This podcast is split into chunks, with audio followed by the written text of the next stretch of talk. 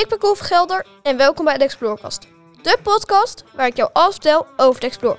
Dus, ben je nou groep 8 geïnteresseerd of wil je gewoon wat meer weten? Dan raak je zeker aan deze podcast te luisteren. Elke week ga ik dieper in op onderwerp samen met mijn gasten. Lekker blijf luisteren dus. Ja, ja, ja, welkom bij weer de laatste aflevering van de Explorecast. Sascha, hoe vond je het gaan?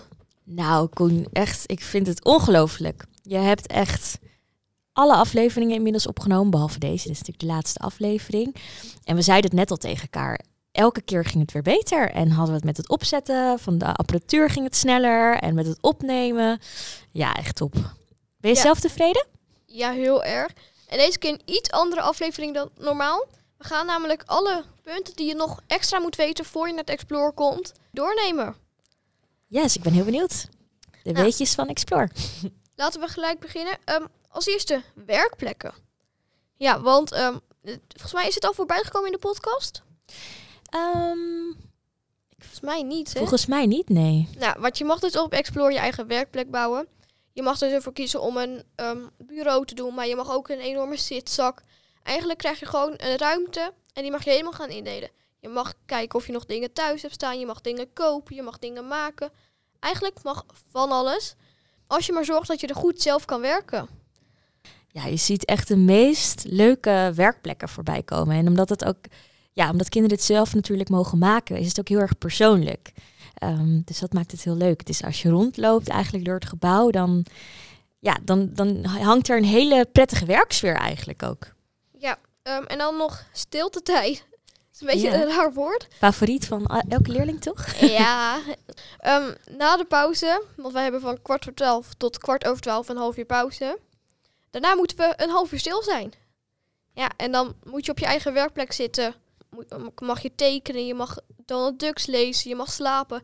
En dan mag alles als je maar met jezelf bezig bent en niet aan het praten bent. Mag je ook dan bijvoorbeeld op een telefoon of een Nee, eh, game mag, spelen? ehm, mag niks met digitaal, je mag ook geen muziek luisteren. Niks elektronisch. Oké, en dan het volgende onderwerp. Schooltijden. Dit is wel echt mijn favoriet aan deze school. Je mag dus zelf kiezen hoe laat je op school komt. En het is niet zo vrij als je nu denkt.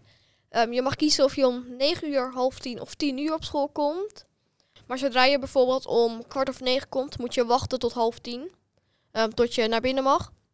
Maar dat betekent dus ook dat je later uit bent. Want als je om 9 uur komt, dan ben je om half drie uit. En als je om half tien komt, ben je om drie uur uit. Uh, dus hoe later je komt, hoe langer je ook moet blijven. Want hoe lang ben je dan minimaal op school? Vijf en een half uur. Ah, en hoe laat check jij meestal in?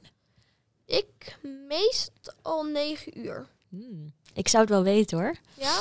Ja, ik ben geen ochtendmens. Dus ik zou hem tien uur inchecken. Nou, dan hebben we ook nog gym. Want wij hebben één verplicht vak op school.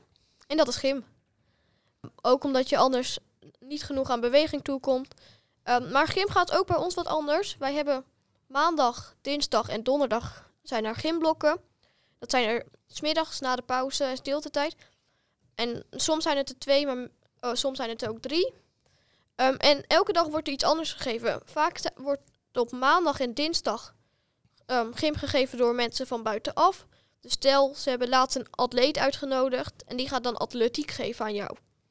Um, en op donderdag hebben we, um, op dit moment zijn het normale gymlessen. Maar vaak is het ook een sport en dan heb je badminton, turnen. Moet je één blok kiezen in de week, één sport. Je mag ze ook alle drie doen, je mag er ook twee doen. Um, als je er maar minimaal één hebt. Het challenge geldt. Want stel je hebt een hele vette challenge. Um, maar dat kost gewoon geld. Stel je wilt iets gaan koken, dan kost dat geld om de ingrediënten te kopen. Daar heb je per jaar 150 euro challenge geld voor. Dat klinkt heel veel. Is iets minder in de praktijk. Maar het helpt je wel heel erg op weg als je leuke challenges aan het doen bent. Dan um, community middagen. Het waren eerst avonden, maar het zijn nu middagen geworden. Eigenlijk is dat hetgene waar je ook naartoe werkt. Um, het zijn vier avonden of middagen in een jaar waarin je jouw challenge presenteert. Je kan een bedrijfje oprichten en dan aan mensen dingen gaan verkopen. Je kan ook iets presenteren. Ik ga bijvoorbeeld mijn podcast presenteren. En dan ga je een paar weken daarvoor ga je voorbereidingen doen van wat heb ik nodig, hoe ga ik het organiseren, um, welke plek wil ik graag staan in het schoolgebouw. Dan gaan in twee groepen lopen alle ouders door de school heen um, en lopen ze langs elk kraampje. En dan presenteer jij jouw challenge en kunnen hun daar langslopen en luisteren en dingen doen.